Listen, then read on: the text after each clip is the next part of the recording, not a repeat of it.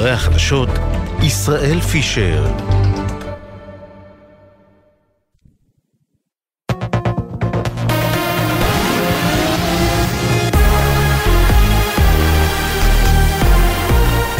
גלי צה"ל השעה 6, שלום רב באולפן אלעזר בן לולו עם מה שקורה עכשיו.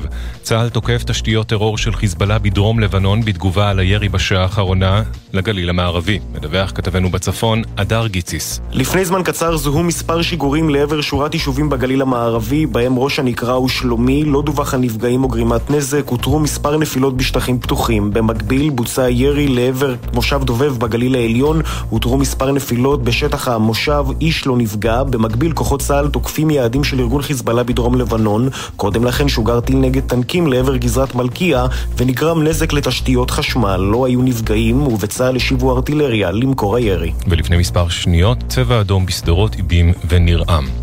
וברקע חיסול אל ערורי שר הביטחון גלנט אמר בביקור ביחידה צבאית במרכז הארץ, עלינו להיות מוכנים שיאתגרו אותנו, אתם הלוחמים, מאפשרים את שגרת החיים גם בימים מתוחים. בתוך כך דובר צה"ל חושף לתקשורת הבינלאומית תיעודים המוכיחים כי חמאס מכשיר ילדים לפעילות צבאית. כתבנו הצבאי דורון קדוש. צה"ל חשף תיעודים ובהם תמונות של ילדים בעזה מתאמנים באמצעי לחימה לצד פעילי חמאס, בין היתר במתקן אימונים של חמאס שמדמה מנהרה. עוד נחשף כי גם במהלך המלחמה, חמאס שולח ילדים למשימות של העברת מסרים והעברת תחמושת. מפקד פלוגה בחמאס שנלקח בשבי סיפר בחקירתו כי ילדים מעבירים חומר נפץ במסווה של שקיות ירקות, וכן נשלחים לזירות לחימה לאחר תקיפות כדי להעריך את הפגיעה ולדווח עליה. גורם מדיני מגיב על דברי שר האוצר סמוטריץ' בגלי צה"ל, שהציע לקדם מהלך של הוצאת הפלסטינים מעזה ואומר, אלה אשליות. מביא את הפרטים כתבנו המדיני יניר קוזין. הגורם המדיני התייחס לדבריו של שר האוצר סמוטריץ' כאן בגלי צה"ל, שאמר כי לא נוכל לחיות במצב שיהיו שני מיליון פלסטינים שחיים בעזה, צריך לגרום להם לרצות לצאת ולהשאיר שם כ-100 עד 200 אלף בסך הכל. על כך אמר הגורם המדיני. בישראל יש הרבה שאולי חושבים שתהיה נכונות עזתית להגירה מרצון, ואני אומר, אלו אשליות חסרות בסיס, לא מיליון ולא שני מיליון ולא חמשת אלפים, אף אחד לא יקבל אותם. אפשר לרדת מהדבר הזה, כך הגורם המדיני, שהתייחס גם לחיסולו של סאלח ארורי בהיבט של המתווה לשחרור החטופים ואמר, העובדה שקטר לא הודיעה על השעיית המשא ומתן לאחר החיסול היא סימן לאופטימיות. מעיין סיגל קורן, שאימה קלרה שוחררה משבי חמאס ובני משפחתה עדיין בשבי, נכחה אמש בפגישה עם ראש הממשלה ובריאיון לאירון וילנסקי אומרת חיסול אל ארורי יחזיר אותנו אחורה. והייתה תחושה שראש הממשלה מקשיב לנו, אפילו מסתכל בעיניים, זה נוגע לליבו. ו... ואז אנחנו יוצאים מהפגישה, ואנחנו שומעים על החיסול, ומיד אחר כך מתפרסם אה, באמצעי התקשורת שחמאס אה, אה, עוצרים את כל המשא ומתן ואת כל המגעים. כל הצעדים שהתקדמנו, הלכנו אחורה. הדיסוננס הנורא נורא גדול שאנחנו חיים אותו יום-יום. אני לא מאוהבי חמאס, אה, אבל מה שברור לי זה שהמשפחה שלי, הם אה, לא נהיים צעירים יותר. בג"ץ יפרסם בעוד חצי שעה את פסק הדין בעניין חוק הנבצרות. 11 שופטי בג"ץ יכריעו אם לדחות את תחולתו של חוק היסוד, שמונע את הוצאת ראש הממשלה לנבצרות, אלא בנסיבות רפואיות. כתבתנו לענייני משפט, תמר שונמי, מזכירה כי התיקון לחוק היסוד עבר בקריאה שלישית בכנסת, בבוקר נאומו של נתניהו בו הכריז כי הוא נכנס לאירוע בכל הנוגע לתוכנית המשפטית. בית המשפט המחוזי בבאר שבע הרשיע את אילנה סוויסה משדרות בהתעללות ותקיפת קטינים במסגרת עבודתה כגננת בתינוקייה. עם הפרטים כתבנו רמי שני. סוויסה הורשעה בהתאם להודעתה בריבוי עבירות של התעללות בקטין חסר ישע. היא נהגה כלפי הילדים בקשיחות, צעקה עליהם ונזפה בהם, צבתה והכתה פעוטות, נתנה מכות אגרוף לראשם של הילדים, בעטה בהם, גזר דינה יימסר במועד מאוחר יותר. התחזית למחר, ללא שינוי בטמפרטורות. צפוי גשם מקומי ברובו קל בצפון הארץ ובמישור החוף. אלה החדשות.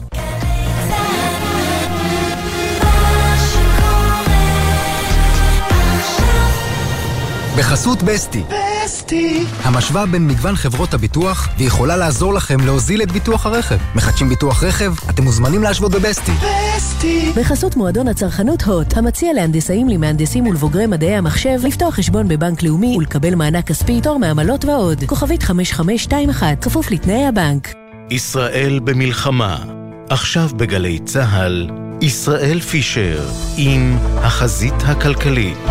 שש וארבע דקות, כמעט חמש דקות בגלי צה"ל, אנחנו החזית הכלכלית, נהפוך בשש ושלושים לחזית המשפטית, קצת עם uh, פרסום חוק הנבצרות של ראש הממשלה. כמובן שחדר החדשות ערוך ומוכן uh, לכל uh, תרחיש uh, שיהיה, לכל אירוע ביטחוני שיהיה. אנחנו כאן כמובן שנעדכן. בינתיים בחזית הכלכלית אנחנו נדבר, נדבר על צמצום uh, מתווה הפיצויים לעסקים, על עומק הכישלון שנחשף היום בכל מה שקשור לדיונים ובמציאת מתווה לביטוחי, לביטוחי הבריאות הסיעודיים וגם מצבם של הסטארט-אפים בישראל. ספוילר, זו לא, 2023 לא הייתה שנה טובה מאוד עבורם וזו בלשון המעטה. אני ישראל פישר, אנחנו החזית הכלכלית, מתחילים.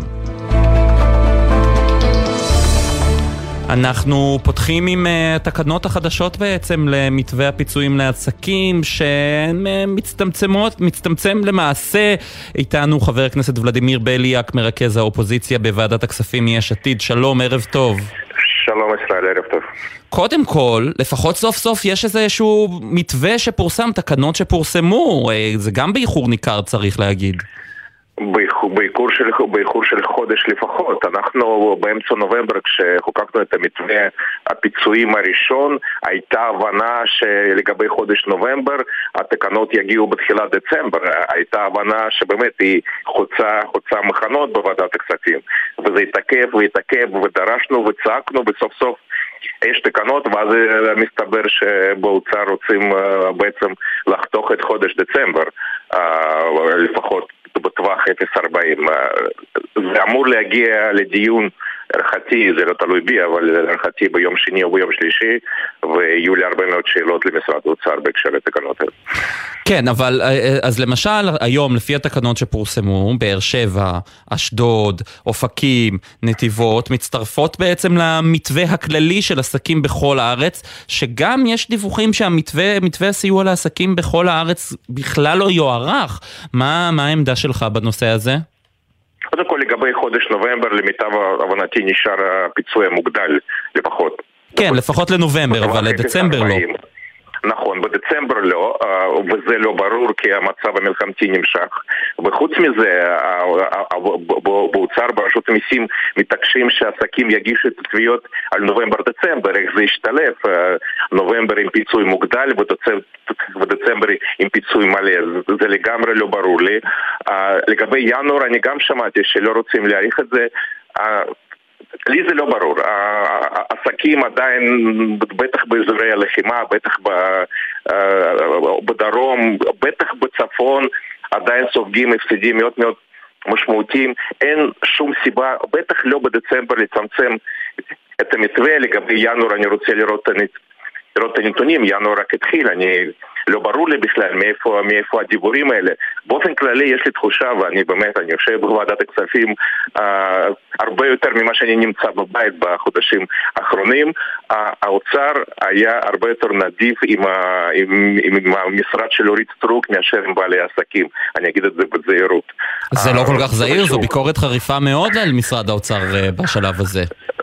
לחלוטין, אני שוב, אני לא ברור, לא ברור לי לגמרי, אחרי שהעבירו מיליארדי שקלים הכספים קואליציוניים בתקציב המתוקן 2023, אין שום סיבה לקצץ עכשיו לבעלי עסקים, אנחנו שומעים את בעלי עסקים, אני בכלל לא, לא מדבר כרגע על... על המילואימניקים, שגם המילואימניקים בעלי עסקים מגיעים אלינו לוועדות. אה, היה את המקרה המפורסם של ליאור מושייב שבכה בוועדת כספים שאין לו כסף לשים אלק לילדה והמקרר שלו ריק. אה, והוא מילואימניק בבאר שבע, יש לו עסק בבאר שבע. איך במצב הזה אפשר עכשיו לחשב באר שבע כמו העסק בתל אביב או בנתניה, זה לגמרי לא ברור לי. אני מניח שיציגו לנו נתונים, אבל אני חושב שיהיה דיון מאוד מאוד סוער. אני לא, לא בטוח שאוצר אה, יצליח להעביר את זה, ואני שוב אומר... אתה חושב שגם מהקואליציה היו כאלה שהתנגדו לתקנות האלה של אה, משרד האוצר? אני מאוד מקווה שכן, עד עכשיו לפחות עם חלק מחברי הכנסת מהקואליציה בוועדת הכספים אנחנו הצלחנו uh, uh, מהאופוזיציה uh, לפעול בשיתוף פעולה. אני לא חושב שהם יתמכו בעוול הזה, ושוב אני אומר, בהשוואה לאיך ששר האוצר נהג עם המשרדים המיותרים, עם, עם, עם, עם כל מיני סכומים מוטרפים ומופרכים שהוא העביר למשרד של אורית סטרוק, למשרד המסורת, למשרד המורשת, לקצץ עכשיו בזמן הזה לבעלי עסקים, אני דווקא מסתכל גם בהקשר לכמה חודשים קדימה, הרי אנחנו גם נצטרך להתאושש פה אחרי, אחרי המלחמה, אנחנו חייבים עכשיו לתת את האוויר לבעלי עסקים ולעזור להם uh, לעבור את התקופה הזאת. אבל אתה יודע אלה... מה היה התירוץ גם של משרד האוצר וגם של אה, דרגים פוליטיים מסוימים. אתם אלה שדוחים את זה, אתם מעכבים את הכספים, זה מה שהם יגידו לכם אם אתם לא תאשרו את זה מיד. אנחנו חיכינו לתקנות האלה חודש, לפחות.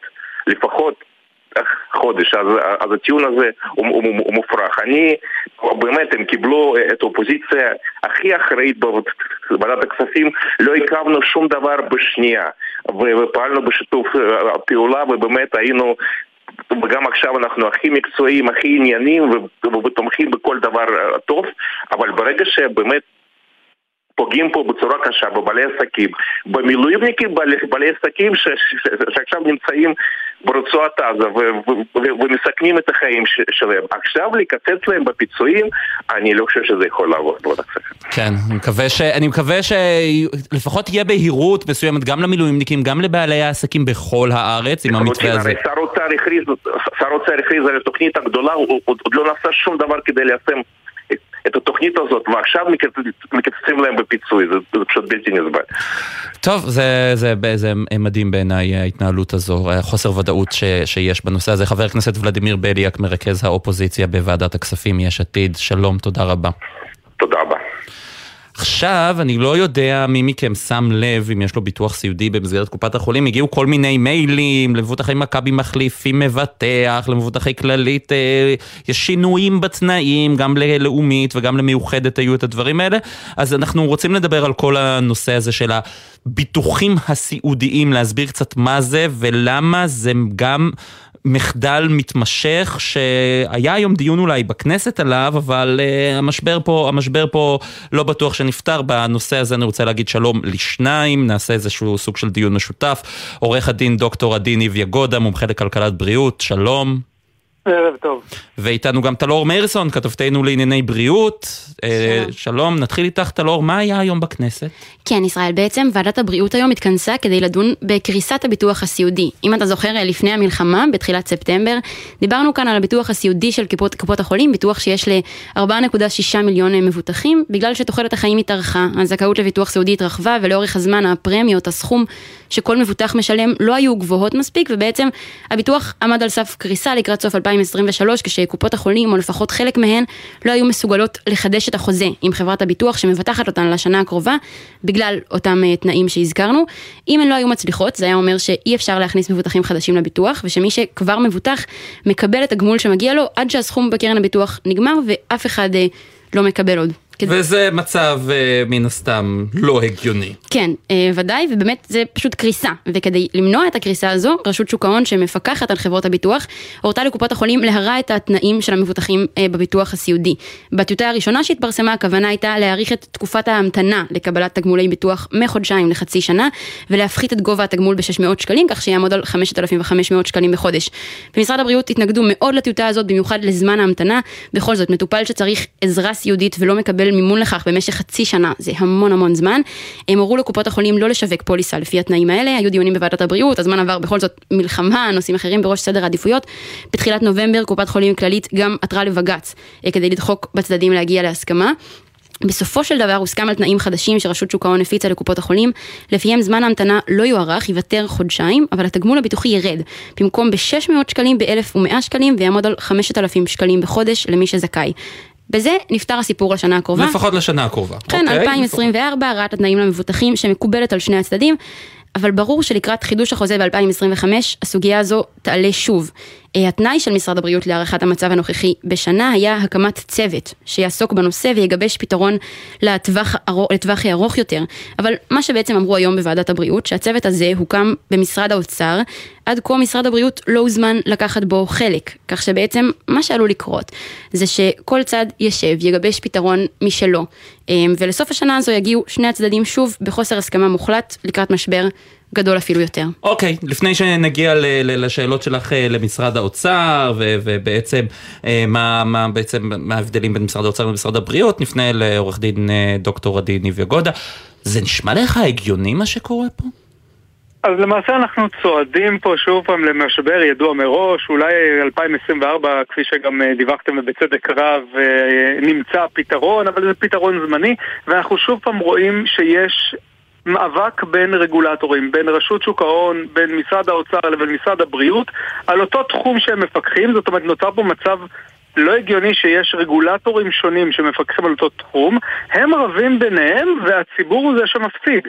ומה שאנחנו רואים פה כרגע זה שאולי נמצא איזשהו טלאי, פתרון ל-2024, שאגב, היום חברת מנורה היא זו שמנהלת את הקרן אה, של הביטוח הסיעודי של מכבי, של מאוחדת ושל לאומית, והראל מנהלת את של כללית, אבל אף אחד לא יודע מה יהיה פה ב-25. עכשיו, יש רעיונות והצעות למודלים שונים, לדוגמה, להכניס את הביטוח הסיעודי כרכיב בתוך הפנסיה.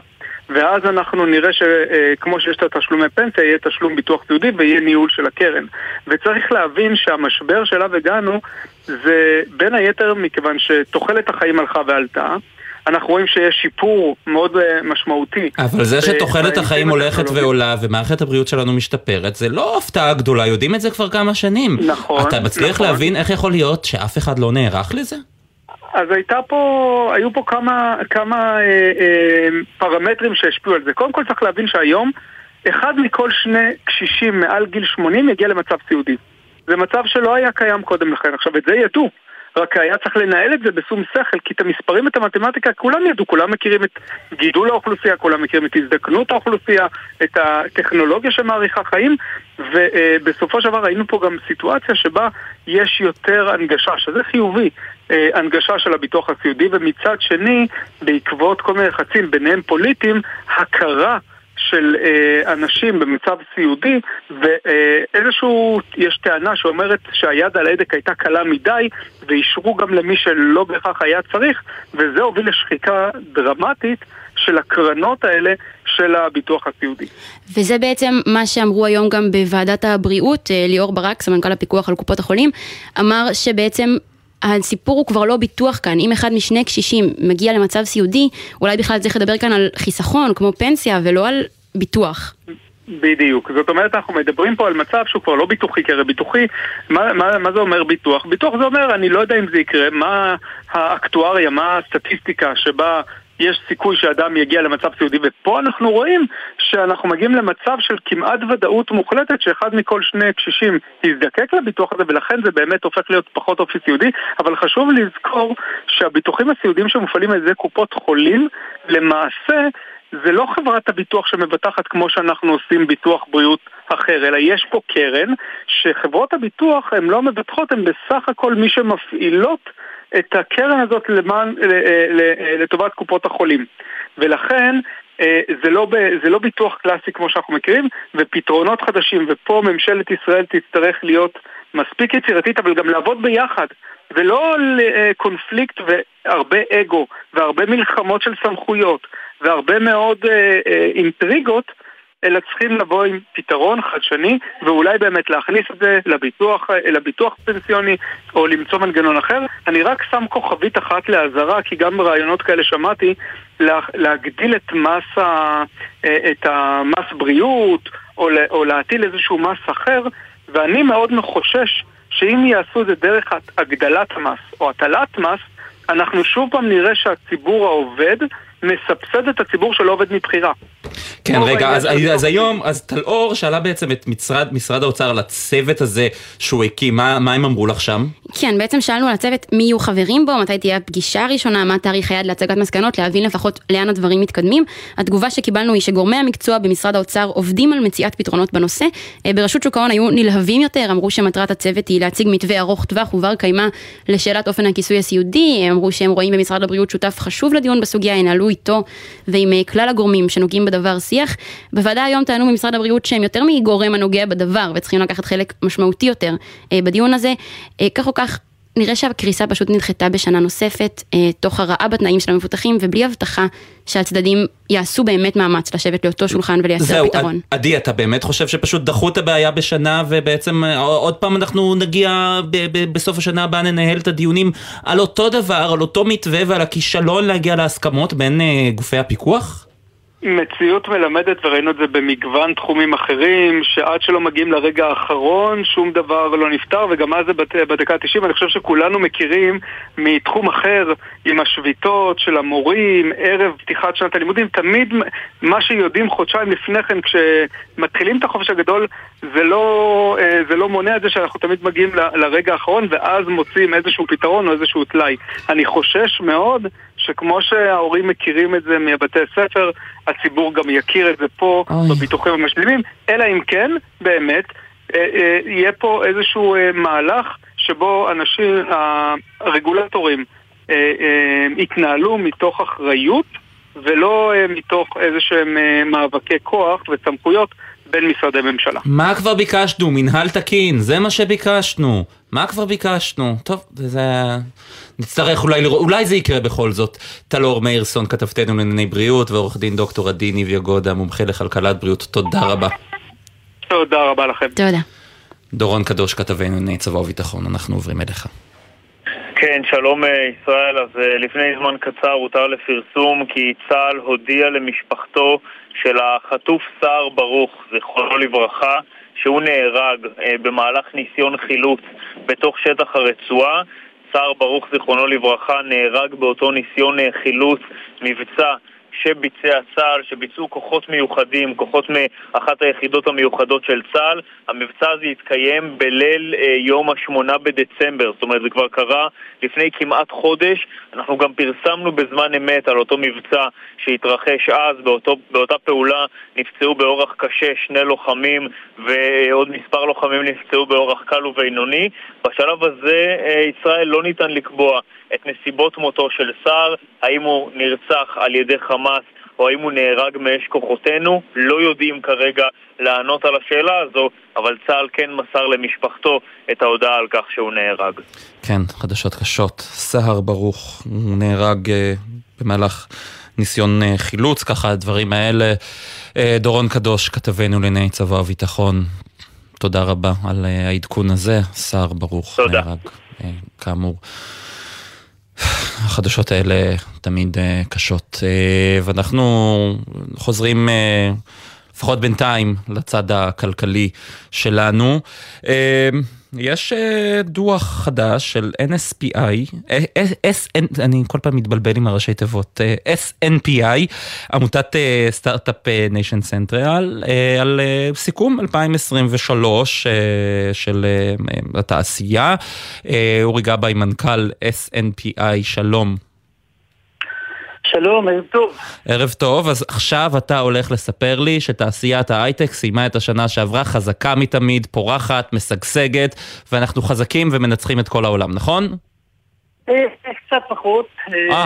אחרי החדשות הנוראיות ששמענו ממש לפני רגע. כן, לא, מנסים עוברים לכלכלה, המעברים האלה קשים, אבל אין מה לעשות, תוכנית כלכלית שבתוכה צריכים לשלב גם עדכוני חדשות. אה, כן, אז, אז לצערנו אין, אין חדשות טובות כל כך בזווית של ההייטק, הייתה שנה קשה, אני חושב שכולנו ידענו את זה, כולנו ציפינו לזה, אה, אבל בסוף כשאתה רואה את הנתונים השנתיים, אה, הם רעים ואפילו רעים מאוד. זהו, היום אה, אה, פרופסור יוג'ין, יוג'ין קנדל, שהוא יושב ראש SNPI, אה, אמר אפילו אזהרה ממש חמורה, ישראל עלולה למצוא את עצמה מידרדרת במהירות לנקודת אל-חזור. אלה דברים קשים. אני בוודאי מסכים עם יו"ר הדירקטוריון שלי. אה, אה, הבעיה היא בסופו של דבר ברצף של אה, אי היציבות המקומית בשילוב עם מצב כלכלי בעולם שהוא לא מזהיר. ואנחנו נמצאים כבר בכניסה לשנה שנייה של אי יציבות מקומית, של אי יציבות פוליטית, ביטחונית, ובסוף ההייטק היא, היא, היא, היא, היא סקטור שמתחרה בעולם, והעולם לא אכפת לו מה מצבנו פה ולא אכפת לו מה הבעיות שלנו. המשקיעים הגלובליים, שהם רוב המשקיעים בהייטק הישראלי, מסתכלים, רואים פה ברדק, חוסר ודאות, חוסר יציבות, גמרנו, משקיעים במקום אחר. ואם זה יימשך גם השנה, אה, אנחנו באמת קרובים למה שמורי ורבי יוג'ין אמר, שאנחנו באמת נתקרב לנקודת האל-חזור, שהמשקיעים יגידו, טוב, בוא נשים את ישראל מאחורינו. אבל ברבעון השלישי של השנה, אה, ברבעון הרביעי של השנה, סליחה, לא, לא בחודש אוקטובר, אבל ממש בדצמבר, בסוף השנה ואפילו בסוף נובמבר, ראינו כל מיני כותרות על אקזיטים ורכישות ודברים אה, מעודדים לפחות בתעשייה, כך אמרו, אבל אם מסתכלים על המספרים עצמם, לא כך הוא, לא באמת מעודד, גם ברבעון הרביעי, מן הסתם.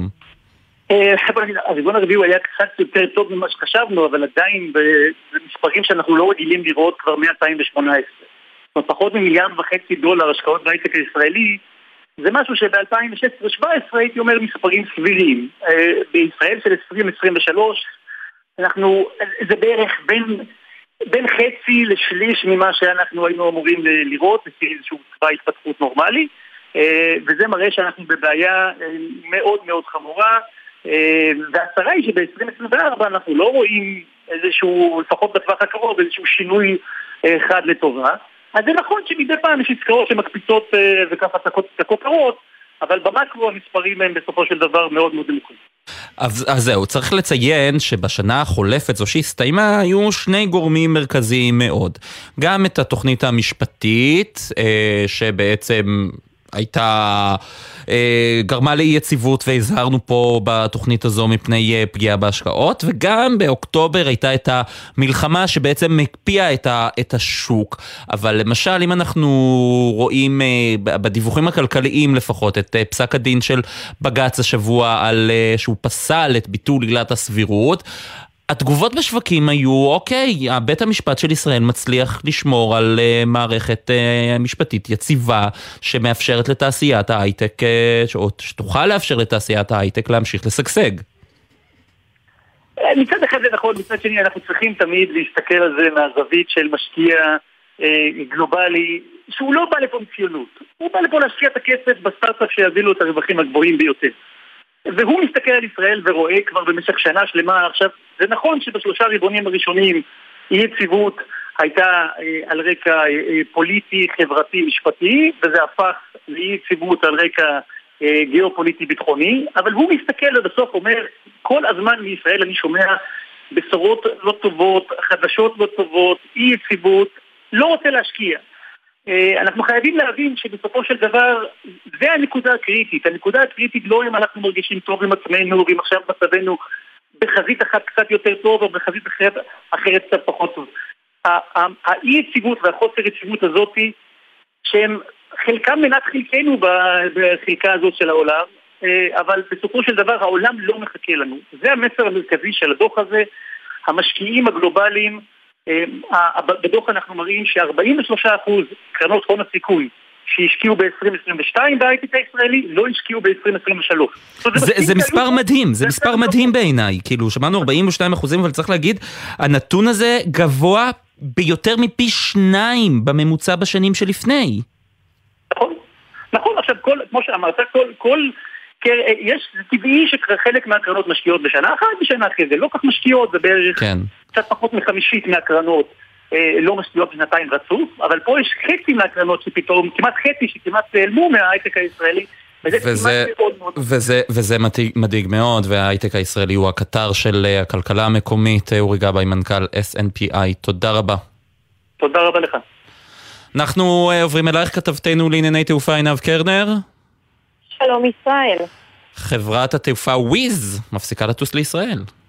כן, ההודעה הרשמית אה, תצא ישראל ממש אה, בימים הקרובים, אבל זה בהחלט אה, אירוע דרמטי, לפחות בענף התעופה כאן בישראל.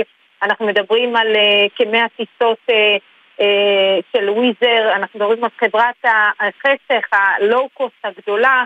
ישראלים רבים כבר הזמינו טיסות לחודשים הקרובים ולפי שעה הביטול אמור להימשך לפחות עד חודש מרס השנה ולכן זה בהחלט אירוע מאוד משמעותי. תסתכל, גם אם אנחנו מסתכלים על הנתונים בנתב"ג, על אף שנרשמת איזושהי, רואים איזושהי מגמה של אולי שינוי אור, אבל זה לא מספיק, אנחנו על 20 אלף נוסעים ביום, נכון ליממה הזו. מזכירה לך שלפני פרוץ המלחמה, גם אם אנחנו ננקה את תקופת החגים שהיא עמוסה באופן מיוחד, אז עמדנו על 80, כ-80 אלף נוסעים ביום בממוצע, עדיין זו ירידה מאוד מאוד חדה של סך הכל רבע אחוז, רבע מהטיסות נמשכות בנתב"ג. כאמור, וויזר היא לא היחידה. עוד חברות תעופה כאמור כבר הודיעו, הודיעו על ביטול הטיסות, גם ריינר שהיא גם נחשבת לאחת מחברות הלואו-קוסט כבר הודיעה על זה בתחילת החודש, סליחה, בתחילת חודש עבר בדצמבר, שהיא מעריכה את זה עד פברואר, כולל פברואר 2024. וזה כבר מתקשר למונופול של חברות התעופה הישראליות שדיברנו עליו, ולמרות שיש חלק מחברות התעופה הזרות שחזרו לטוס, גם דיווחנו על זה שיש זינוק נכון. בכרטיסי הטיסה, ובשורה התחתונה זה ממש לא טוב לצרכנים, צריך להגיד. נכון מאוד, אבל רק נגיד משפט שככה אולי יעודד אותנו טיפה, שוב, הכל באופן יחסי. מזכירה ישראל שבשמונה בינואר, ממש בעוד מספר ימים, לופטנזה, הקבוצה תחזור לטוס, אנחנו מדברים על שלוש חברות, שתי החברות הבנות הנוספות, גם סוויס וגם אוסטריאן איירליין, זאת אומרת שיהיו טיסות גם לציריך, גם לווינה וגם לופטנזה שטסה לפרנקפורט, זה נותן, יכול לתת מענה, אולי, שוב אנחנו עדיין לא יודעים איך, איך תהיינה הטיסות, אבל יכול לתת אולי מענה למי שטס לאמריקה, לארצות הברית, ואולי זה יכול לעזור לו דרך טיסות קונקשן אבל אין ספק שאנחנו רחוקים מהמספרים, כולם מקווים שגם ענף התעופה יחזור וגם יביא את התיירים לארץ, ימלא את המלונות, יחיה את המדינה, את הכלכלה, לפי שאלה הנתונים.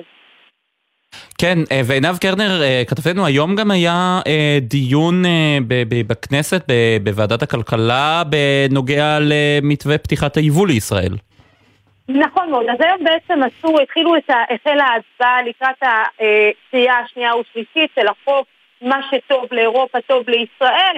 השר ברקת ישראל סבור שהמהלך הזה יוביל להנחה של עשרה אחוזים במוצרים המיובאים ויוזיל את המחיר לצרכן כמובן.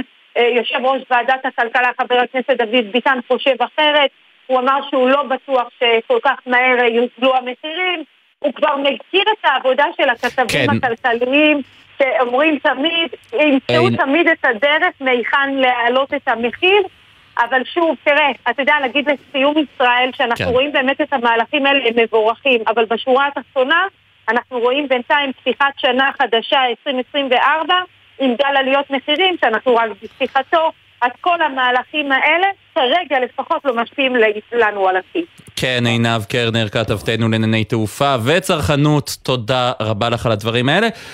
תודה, ישראל. רק נגיד שאנחנו uh, ממתינים ממש בשעה זו לפרסום החלקת, החלטת בג"ץ בנושא חוק הנבצרות. זה בשבוע בהחלט uh, דרמטי, מלא אירועים גם בתחום המשפט, גם ב- ב- בתחום הביטחוני. אלה דברים שאף פעם uh, uh, לא יורדים מסדר היום כאן בישראל. איתנו נמצאת תמר שונמי, כתבתנו לענייני משפט. שלום. שלום ישראל, כן, ממש בשעה זו בג"ץ מפרסם את פסק הדין בעניין חוק הנבצרות תיקון מספר 12 לחוק יסוד הממשלה ובעצם רוב של שישה מתוך 11 שופטי בג"ץ מורה על דחיית תחולה תחולת החוק הזה לכנסת הבאה. הנימוק הוא שמדובר בתיקון פרסונלי מובהק שמהווה בעצם שימוש לרעה בסמכות המכוננת של הכנסת, בסמכות שלה לכונן חוקי יסוד. אנחנו בעצם מדברים על החוק שמונע הוצאת ראש ממשלה לנבצרות, אלא בנסיבות רפואיות, בעצם מונע את האפשרות להוציא ראש ממשלה לנבצרות על רקע אה, בעצם ניגוד עניינים, מצב משפטי כאמור אה, לצורך העניין, אה, האישומים הפליליים נגד ראש הממשלה נתניהו. בעצם אותו חוק נבצרות חוקק בחודש מרס 2023 ובערב שבו הוא עבר בקריאה שלישית נשא נתניהו את הנאום שבו הוא הודיע שהוא נכנס, נכנס לאירוע. למעורבות בעצם בשינויים במערכת המשפט אז היום שישה מתוך 11 שופטי בג"ץ קובעים מדובר בתיקון פרסונלי בעצם בתיקון שנועד לאפשר אה, במקרה הזה לראש הממשלה מעורבות אנחנו כמובן נחזור ממש עוד כמה דקות עם כל הציטוטים המלאים מתוך פסק הדין אבל אנחנו רואים פה תוך יומיים בעצם יומיים מאז שעבר בג"ץ הסבירות תוך יומיים בג"ץ מתערב בשני חוקי יסוד במקרה אחד פוסל לראשונה באופן תקדימי במקרה הזה הוא דוחה את תחולתו של חוק הנבצרות לכנסת הבאה כן, תמר שונמי, כתבתנו לענייני משפט, תודה רבה, אה, התעמקי בפרטים וחזרי אלינו בהמשך. איתנו נמצא בנושא הזה חבר הכנסת משה סעדה מהליכוד, שלום. ערב טוב. ערב טוב, תגובתך? אני חושב שזה קצת עצוב, זה, זה פסיקה שנייה בשבוע אחד, שאנחנו נמצאים בתקופה של לחימה, ואנחנו צריכים, באמת, החיילים שלנו צריכים את האחדות כמו, כמו אוויר לנשימה. ודווקא בשבוע כל כך קשה ומורכב, בית משפט, משפט אצה לו הדרך לתת אה, אה, שתי החלטות, אה, אחת אחרי השנייה, ו, ו, ולמעשה בהחלטות האלה הוא, לא, הוא, לא, הוא למעשה לא רואה את, את מה שקורה בחברה הישראלית. אני חושב שההחלטות האלה, ואמרתי את זה גם בהחלטה הקודמת, ציפיתי מבית משפט להיות המבוגר האחראי, להציע מתווה פשרה כמו שבית משפט עושה. אני בא מהמערכת הזאת, 24 שנים הייתי במערכת הזאת, כבר יום ביומו בית משפט מציע מתווה פשרה כדי לאחד ולהצביע מתווה שאני, ברור לי שהכנסת הייתה מקבלת אותו. במקום זה בית משפט אה, מקבל החלטות במסגרת ייקוב הדין את ההר, ולמעשה יוצר כן, אה, אבל, בחברה הישראלית. אבל לוח הזמנים הזה של בית המשפט, צריך להגיד ש, שהוא הוא נקבע כי ממש תם הזמן שבו אה, השופטת, אה, נשיאת בית המשפט העליון לשעבר, אסתר חיות, והשופטת ענת ברון, יוכלו לפרסם פסקי דין, אז, אז בעצם סד הזמנים היה צפוף מדי ולא נותר מה לעשות לא, לא כאן. צפוף, להציע, לא מדויק ברשותך, להציע מתווה פשרה, זה לא, אפשר היה להציע, אחרי שבית משפט היה בידו כבר ההחלטה, יכול לפנות לכנסת, להגיד יש לכם שבוע, יש לכם שבועיים, ובהסכמה אפשר לחוקק חוק תוך יום-יומיים, ועשינו את זה, בואו, יש מתווה פשרה לטובת החברה הישראלית כולה.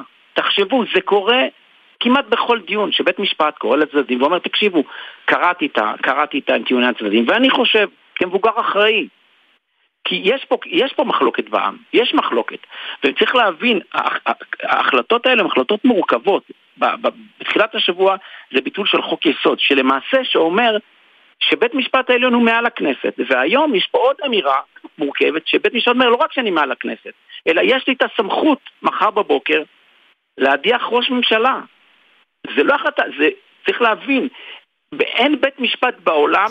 הסמכות הזו כפי שהייתה הסמכות לפני שחוקק החוק הזה, לא, הזה לא, בכנסת הנוכחית, לא? לא, ותרשה לי לתקן אותך גם בזה, ממש לא. סעיף 16 הקודם דיבר על ראש ממשלה בעבר שנבצר ממנו להגיע מפאת מחלה. הרי יש סעיף 17 שמדבר על ראש ממשלה שהוגש נגדו כתב אישום. אפשר להדיח אותו אחרי הרשעה, גזר דין, פסק דין חלוט, יש כללים, זה כבר כתוב. אין שום, אין שום אמירה, גם בחוק הקודם, גם בחוק הקודם, שאפשר להדיח ראש ממשלה. אין, אין מדינה דמוקרטית. יש, הגוף היחיד שיכול להדיח נו, ראש אז ממשלה... אנחנו חזרנו למצב שלפני החוק הקודם, לא? לא, לא, בינתיים. לא, לא, מה, הסברתי. בחוק הקודם אי אפשר היה להדיח ראש ממשלה, גם לא היה. מי שנתן את הפרשנות הזאת זו היועמ"שית, שהיא פירשה את החוק הקודם בניגוד למה שכתוב.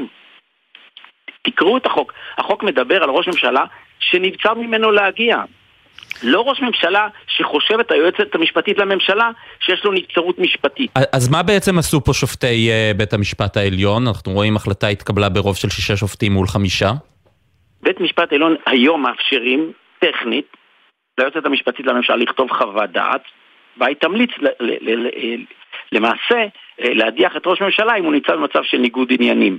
עכשיו זה, זה משהו שלא היה גם לפני, גם לפני כן, לא הייתה פרשנות כזאת, היא לא התקבלה בעבר פרשנות כזאת, וגם התיקון שלנו, שזה תיקון של חוק יסוד, הבהרנו את מה שהיה ברור לפני כן, הבהרנו בצורה ברורה. ראש ממשלה הוא נבצר כאשר הוא לא נמצא. היינו חולה, יש לו מצב פיזי או נפשי, אלו המקרים היחידים. אבל אולי זה ראוי שאם ראש ממשלה בניגוד עניינים הוא לא יוכל להיות מעורב בנושאים מסוימים. כשראש ממשלה בניגוד עניינים, כמו כל אזרח שבניגוד עניינים, אם הוא פועל בניגוד עניינים, אפשר להגיש נגדו כתב אישום, אלו הכללים. כמו, ש, כמו שמגישים, וזה לא, לא ראש ממשלה הראשון שהוגש בעניינו כתב אישום.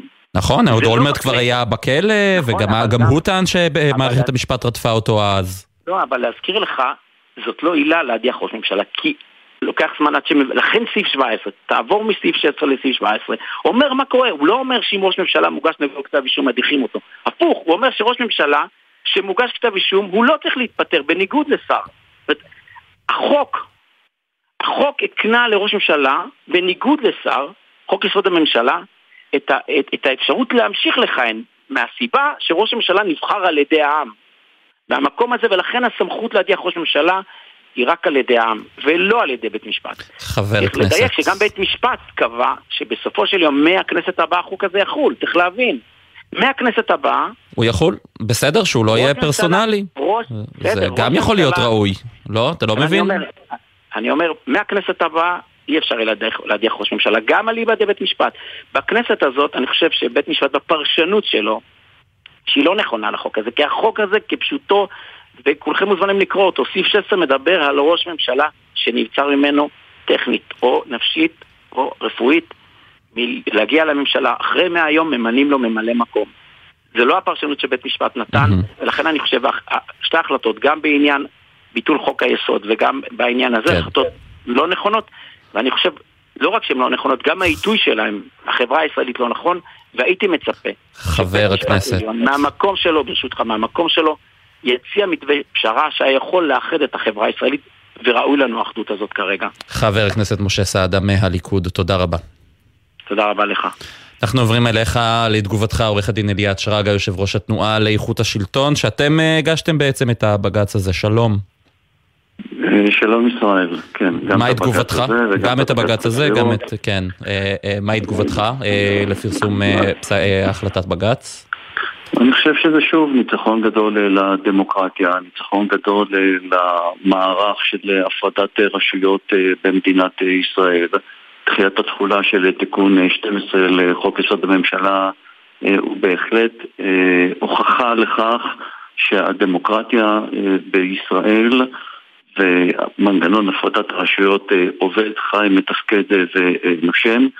לשמחתי אה, בית המשפט אה, קיבל את העמדה שלנו שהחוק הזה הוא חוק אה, פרוספקטיבי וחוק פרסונלי ולכן אין להכיל אותו עכשווית מהרגע להרגע. להזכיר, ישראל אף אחד כבר לא זוכר איך החוק הזה נולד.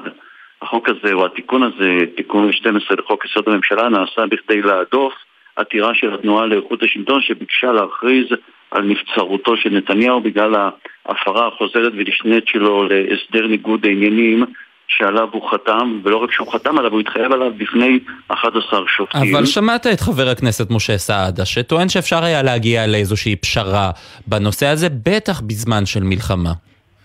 או, אה, אני שמעתי את משה סעדה, אני לא זוכר שהוא דיבר על אה, פשרות, שהוא אה, הוביל את הרפורמה יחד עם כל האנשים שרצו אה, לרסק את מערכת השלטון במדינת ישראל. משה סעדה אה, אישית מהמניעים האישיים אה, שלו, וכל אה, אחד מהמניעים האחרים שלו רצו לפרק את אה, המערכת המשפטית במדינת ישראל. הם לא אה, חשבו על שום פשרה אז. אבל אה, זה לא קשור לשום פשרה. יש אה, זמן אה, אה, משפטי, היה ברור שכששתי השופטות אה, תפרושנה, יפורסמו פסקי הדין, היה ברור מראש מהו לוח הזמנים המשפטי, כמו שיש לוח זמנים מלחמתי, לוח זמנים פוליטי, יש לוח זמנים משפטי. ולכן אה, פסק הדין פורסם אה, אה, במקום. אבל אתה לא מצליח לראות את הטענה הזו שגם פסק הדין הזה וגם פסק הדין בנושא עילת הסבירות, בתקופת מלחמה הם שניהם פסקי דין טעונים מאוד. נכון, יש פה רוב פוליטי, נכון, יש פה רוב משפטי, סליחה, נכון, יש פה צורך בפרסום של דברים משפטיים, אבל למשל הצעת החוק שהייתה של דרעי, שיאפשר לשופטים זמן ארוך יותר כדי שהם יוכלו לפרסם את החלטתם, כדי לא לעורר את המתח הזה בעם בזמן מלחמה. לא, אני לא רואה בזה שום היגיון ישראל. עם כל הכבוד, אה, השר דרעי, עבריין חמישה כוכבים, שלמעשה כל עילת הסבירות נועדו, נועדה בכדי שהוא בסופו של יום יתמנה לשר בממשלת ישראל, ולכן גם אלה היו המניעים אחרי כל ההפיכה השלטונית הזאת. הוא האחרון שיכול להציע לדחות ולשנות שוב את כללי המשחק תוך כדי משחק. דרעי יכול להציע שגם אישה בהיריון בחודש תשיעי בגלל זמן מלחמה לא uh, תלד, אלא הלידה תידחה בשישה חודשים. זה לא עובד ככה. יש שעון חול משפטי, שעון חול משפטי קובע במפורש ששופטים מפרסמים פסק דין כשהם מסיימים את כהונתם ויש להם שלושה חודשים עד שהעיפרון נופל. וזה קרה במקרה שלהם כמו שזה קרה במשך 75 שנה.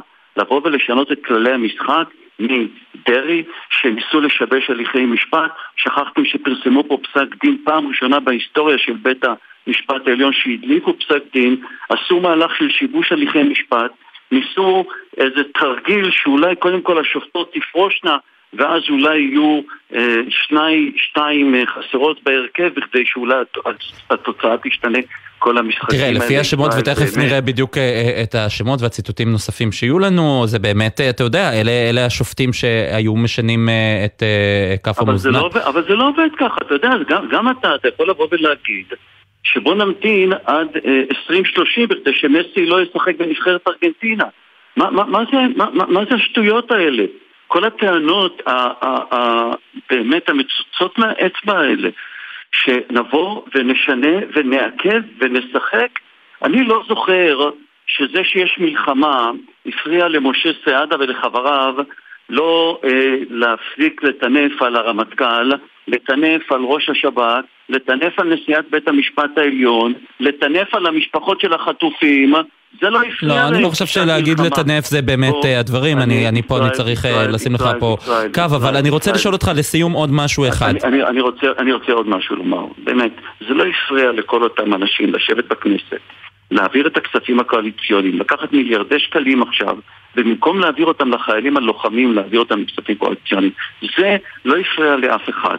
אבל כשצריך לפרסם פסק דין, זה קורע את החברה הישראלית. טענות... כן, אבל עכשיו עוד שאלה אחת אה, אה, לסיום. כן, אה, עכשיו, כשהתקבל אה, פסק הדין הזה, אתם מתכו... מתכוונים להגיש אה, שוב את העתירה שהובילה לחוק הזה, אה, שקוראת אה, להוציא את ראש הממשלה לנבצרות? שוב, גם פה אה, כל הטענות של משה סעדה הן לא נכונות, אבל אני לא אכנס אה, לזה שבית המשפט העליון החליט כבר, ובית המשפט העליון כבר קבע שהוא נבצר. יש פה אירוע לא, הוא לא קבע שהוא נבצר, הוא קבע שהחוק נדחה לכנסת הבאה, אבל נכון, כן. בדיוק ככה, בדיוק ככה, לכן כל הטענה שלו היא לא נכונה. בסך הכל הוא השאיר את המצב כמות שהוא היה ערב השינוי אה, והתיקון לחוק. עכשיו הכל תלוי, ישראל, בהתנהלותו של ראש הממשלה. אם הוא ימשיך להפר ברגל גסה את הסדר ניגוד העניינים שלו. אם למשל מחר בבוקר הוא ילך למנות מפכ"ל חדש, הוא ילך למנות אה, נציבת אה, שירות בתי סוהר חדשה, או חדש, שהוא מפר את הסדר ניגוד העניינים שלו שאסור לו להתעסק במערכת אכיפת שלטון החוק, או אם שמא הוא יחליט להמשיך את ההפיכה השלטונית ולפרק כן. את מערכת המשפט, אז יכול להיות שנגיע לנקודה שבו אה, הוא יצטרך אה, להיות נבצר ושהחוק יחול עליו. אליעד, עורך הדין אליעד שרגא. כן, עורך הדין אליעד שרגא, יושב ראש אה, התנועה לאיכות השלטון, תודה רבה. תודה רבה לך ישראל. תמר שונמי, כתבתנו לענייני משפט כאן איתי באולפן. עוד ציטוטים, אה, מה בדיוק, מי הצביע בעד, מי הצביע נגד. כן, אז קודם כל אם אנחנו מדברים על אה, מאזן הכוחות, אז יש לנו פה בעצם רוב של שישה מתוך 11, כלומר פסק הדין הזה התקבל על חודו של כל ההחלטה לדחות את תחולת חוק הנבצרות בעצם לכנסת הבאה. שופטי דעת הרוב הם הנשיאה בדימוס פוגלמן, לצידם ממלא מקומה אה, השופט פוגלמן, לצידם השופטים עמית. הנשיאה בדימוס חיות וממלא מקומה פוגלמן. פולקמן, כן. נכון, אה, השופטים עמית, ברק ארז, ברון וגרוסקופף, מולם בדעת המיעוט חמישה שופטים, סולברג, מינץ, אלרון, שטיין ווילנר. ו... זאת אומרת, אנחנו רואים פה ממש את המחנות שראינו פחות או יותר גם אה, אה, בפסק הדין אה, בנושא עילת הסבירות. נכון, כשאנחנו מדברים על זה שבעצם יש ארבעה שופטים שהיו חלק מהרכב בפסק דין הסבירות, ארבעת השופטים החדשים ביותר אה, בעליון, כבוב, רונן, כנפי, שטייניץ וכשר, כשבעצם בפסק דין הסבירות שניים מהם היו בדעת הרוב ש... פסלה את עילת הסבירות, ושניים מהם בדעת המיעוט, כלומר הצטרפו, אבל החלוקה היא בעצם אותה חלוקה, כלומר אותם שופטים שקבעו שיש לפסול את עילת הסבירות, הם אותם שופטים שתמכו בדחיית תחולת החוק עכשיו, ויש עוד ארבעה שופטים שפשוט לא היו כאן בהרכב, ואם אנחנו מדברים על ציטוטים מתוך פסק הדין, אז בעצם הנשיאה בדימוס חיות קובעת שמדובר בתיקון פרסונלי מובהק, היא אומרת הוא נועד לסכל את העתירות שהיו באותו זמן אה, שבו עבר החוק בקריאה שלישית ובעצם קראו להוציא את נתניהו לנבצרות על רקע האישומים הפליליים נגדו, אה, בעצם, בעצם נועד לסכל את מחויבותו להסדר ניגוד העניינים שלו, היא מדברת גם על האופן הבהול שבו החקיקה בוצעה. אה, לעומת זאת, בדעת המיעוט, השופט סולברג מדבר על זה שאולי היו מניעים נסתרים, יעדים נסתרים, דברים שדוברו במסדרונות הכנסת, והוא אמר, אני לא מוצא להם אזכור בנוסח הסופי של החוק. אז אנחנו רואים פה בעצם מצד אחד באמת את השישה שאומרים מדובר בתיקון פרסונלי מובהק שנועד לפתור את נתניהו ממחויבות להסדר ניגוד העניינים שלו, נועד למנוע מצב של הוצאה שלו לנבצרות על רקע האישומים הפליליים נגדו. מהצד השני, שופטים שבאים ואומרים, ההסדר הזה נועד בעצם לסדר באופן כללי את המקרים בהם מוצאים ראש ממשלה לנבצרות, מצבים רפואיים אה, וכולי. אנחנו כמובן נחזור בהמשך עם עוד ציטוטים נוספים. עם עוד ציטוטים. אה, תמר שונמי, כתבתנו לעניין משפט, את נשארת איתי פה באולפן. חבר הכנסת עודד פורר מישראל ביתנו, שלום לך. שלום. אתה היית מהעותרים אה, נגד אה, בעצם אה, החוק הזה. מהי תגובתך לפסק הדין? ראשית, קודם כל אני רוצה לנצל את הבמה להשתתף בצערה של משפחת ברוך על הודעה שהתקבלה על כך שהוא נהרג בניסיון החילוץ שלו, סער ברוך, זיכרונו לברכה, שנחטף מקיבוץ בארי. יחד עם הסיפור הזה יש לנו עדיין חטופים שם. ויש לוחמים בעזה ובגבול הצפון, קיבוצניקים, עירניקים, דתיים, חילוניים. זה כרגע הנושא שנמצא בראש סדר העדיפויות. לגבי פסק הדין, אני כמובן מברך, אתה יודע, התקבלה העתירה שלנו, אני שמח שהחוק הזה יחול החל מהכנסת הבאה ובכך אה, יצא העוקץ הפרסונלי מהחקיקה שלו.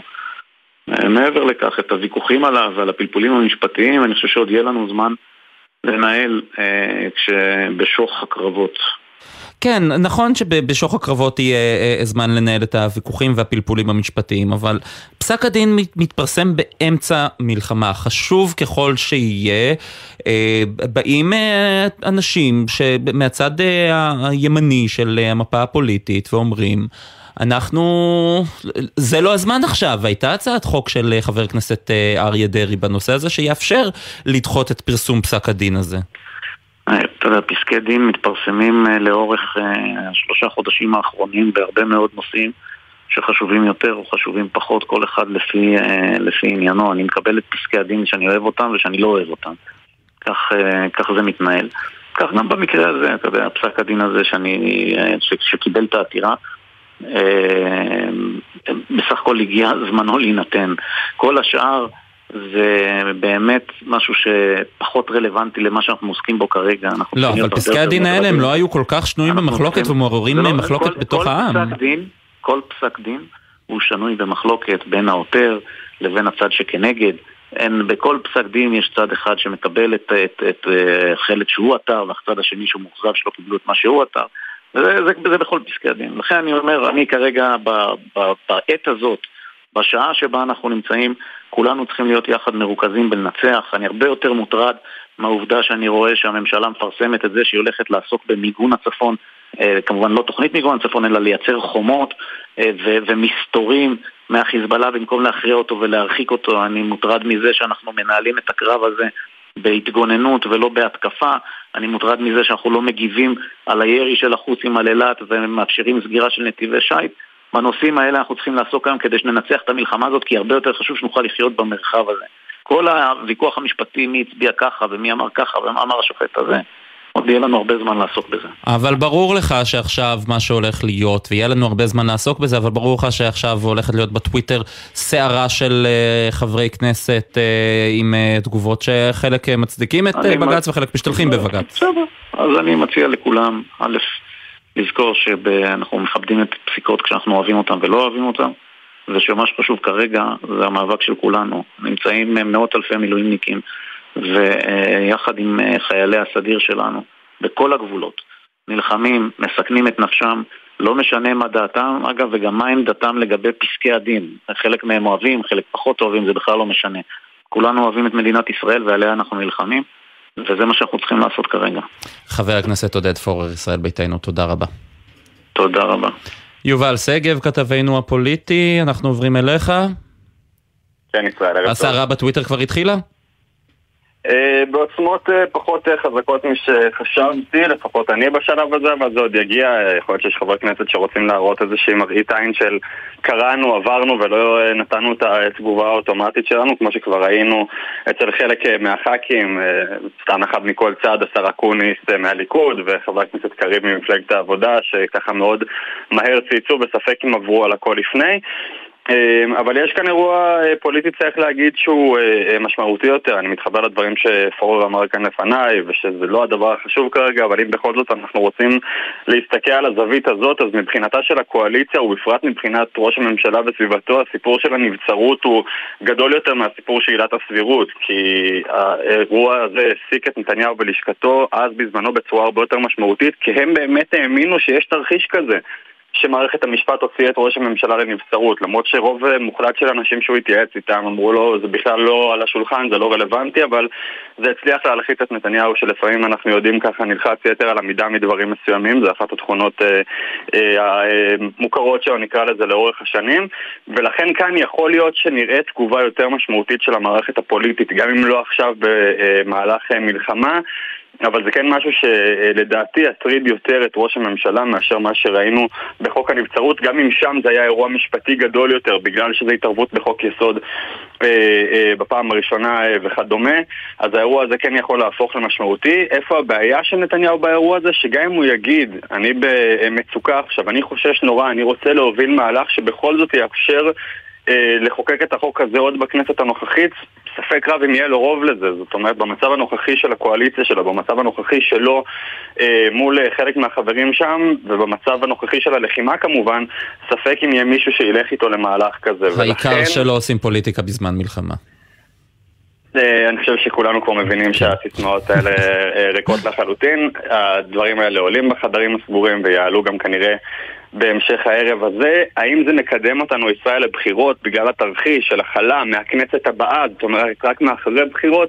אני עוד בספק, אני בספק שזה ישפיע באופן ישיר ובאופן מהיר, כי יש כאן עוד הרבה שיקולים מבחינתו של נתניהו בסביבתו על הפרק, כן. אבל זה עוד איזושהי אבן שעשויה אה, להזיז דברים גם בקואליציה. בהחלט אה, עוד יהיה מעניין אה, לעקוב אחרי הדברים. יובל שגב, כתבנו הפוליטי, תודה. תודה. תמר שונמי, כתבתנו לענייני משפט סיכום קצר שלך. כן, אז אנחנו נבוא עם עוד שני ציטוטים מפסק הדין שממחישים מצד אחד בעצם את דעת הרוב, שוב שישה שופטים, בראשם הנשיאה הפורשת אה, חיות, שבאה ואומרת הקשר הישיר בין התיקון לבין התכלית הפרסונלית שלו, בעצם לפתור את ראש הממשלה מהמחויבות שלו להסדר ניגוד העניינים שלו, לעסוק בעצם אה, בתוכנית המשפטית, היא אומרת, הוא מובהק הרבה יותר לאור הדברים שהוא השמיע רק כמה שעות לאחר מכן, אנחנו מדברים בעצם על נאומה אני נכנס לאירוע למעורבות בשינויים במערכת המשפט, אז היא אומרת זו ממש ראייה חותכת אה, לדבר הזה, זה מראה שלתיקון הזה יש השפעה ישירה ומיידית על בעצם מצבו של ראש הממשלה, על מצבו המשפטי. מהצד השני, בדעת המיעוט אנחנו רואים את השופט סולברג שאומר גם אם מדובר במטרות עמומות, בדברים אה, שנאמרו במסדרונות חשוכים אה, בכנסת, אני לא מוצא שום רמז, שום אזכור בעצם לתכנית הפרסונלית הזו בחוק עצמו, בחוק הסופי. בסופו של דבר אנחנו מדברים פה על זה שבפעם השנייה בתוך יומיים בג"ץ אה, מתערב בחוק יסוד שתי פסיקות תקדימיות, כשנזכיר פה בעצם מדובר בדחיית תחולה לכנסת הבאה, שקובעת בעצם, אה, של החוק, שקובע שבעצם לא ניתן להוציא ראש ממשלה לנבצרות, אלא במקרים קיצוניים מאוד, בנסיבות רפואיות. עד כאן. תמר שונמי, כתבתנו לענייני משפט, תודה רבה, בהחלט אה, דברים מעניינים. הזהרתי אתכם בתחילת המשפט, ש... המשדר שהחזית הכלכלית תהפוך לחזית המשפטית, והנה זה קרה. ערכה את משדר החדשות המיוחד הזה טל אור מאירסון, הפיקו אורי שרון וגלי אסיה על הביצוע הטכני בן שני, על הדיגיטל, הדר ברלין, מיד אחרינו המשך העדכונים עם עידן קבלר. אני ישראל פישר, אנחנו החזית הכלכלית סלש משפטית, נשוב ביום ראשון, שיהיה ערב טוב ושקט.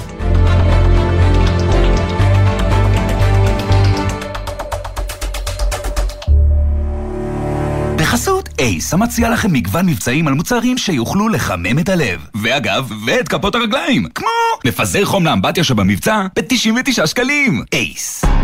אתם מאזינים לגלי צה"ל. השכלה גבוהה תסייע בהבטחת עתיד ישראל בקדמת המדע והמחקר. סטודנטים במילואים, דאגנו להגדיל את הסיוע לכם. לכל המידע הנוגע לזכויותיכם, היכנסו לאתר המל"ג ויישארו מעודכנים. מוגש מטעם המועצה להשכלה גבוהה והוועדה לתכנון ולתקצוב.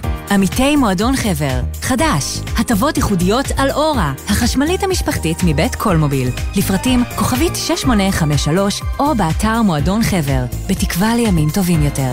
זה הכל בשבילך, חבר. נווה נהרי, לוחם ביחידת נחשון של שב"ס. יחידת נחשון משמשת כוח אבטחה וגם כוח התערבות של שירות בתי הסוהר. אנחנו מתאמנים ומוכנים לכל תרחיש שיכול לקרות. אני אוהב את האקשן, אבל מלבד זה, אני לא בטוח שאנשים מבינים כמה משתלמת העבודה בשב"ס. לצד התנאים ועליית השכר, אני גם עובד במשמרות נוחות שמאפשרות לי המון זמן אישי פנוי. כאיש משפחה, זה משנה חיים. שב"ס, בלב הביטחון הישראלי. תנופת הגיוס נמשכת, תנאים מועדפים ושכר מתגמל. פרטים באתר שב"ס. בצלאל אקדמיה לאומנות ועיצוב ירושלים פתחה את ההרשמה ומזמינה אתכם ליום פתוח לתואר ראשון ולתואר שני ב-16 בינואר. אנחנו כאן למענכם, עם מעטפת תמיכה נרחבת ועם מערך תמיכה רגשי לכלל הסטודנטים והסטודנטיות. תמיד כאן, תמיד בצלאל. לפרטים נוספים חפשו יום פתוח בצלאל. רוכבי אופניים חשמליים וגלגינוע קורקינט חשמלי. החוק מחייב כל רוכב בכל גיל ובכל רכיבה לחבוש קסדה שמוצמד לה מחזיר אור. איך יודעים אם לקסדה יש תו תקן? מה הזמן שאחריו רצוי להחליף קסדה? למה חשוב למדוד אותה בעת הרכישה? איך חובשים אותה נכון? למידע נוסף חפשו בגוגל אסקרלבד.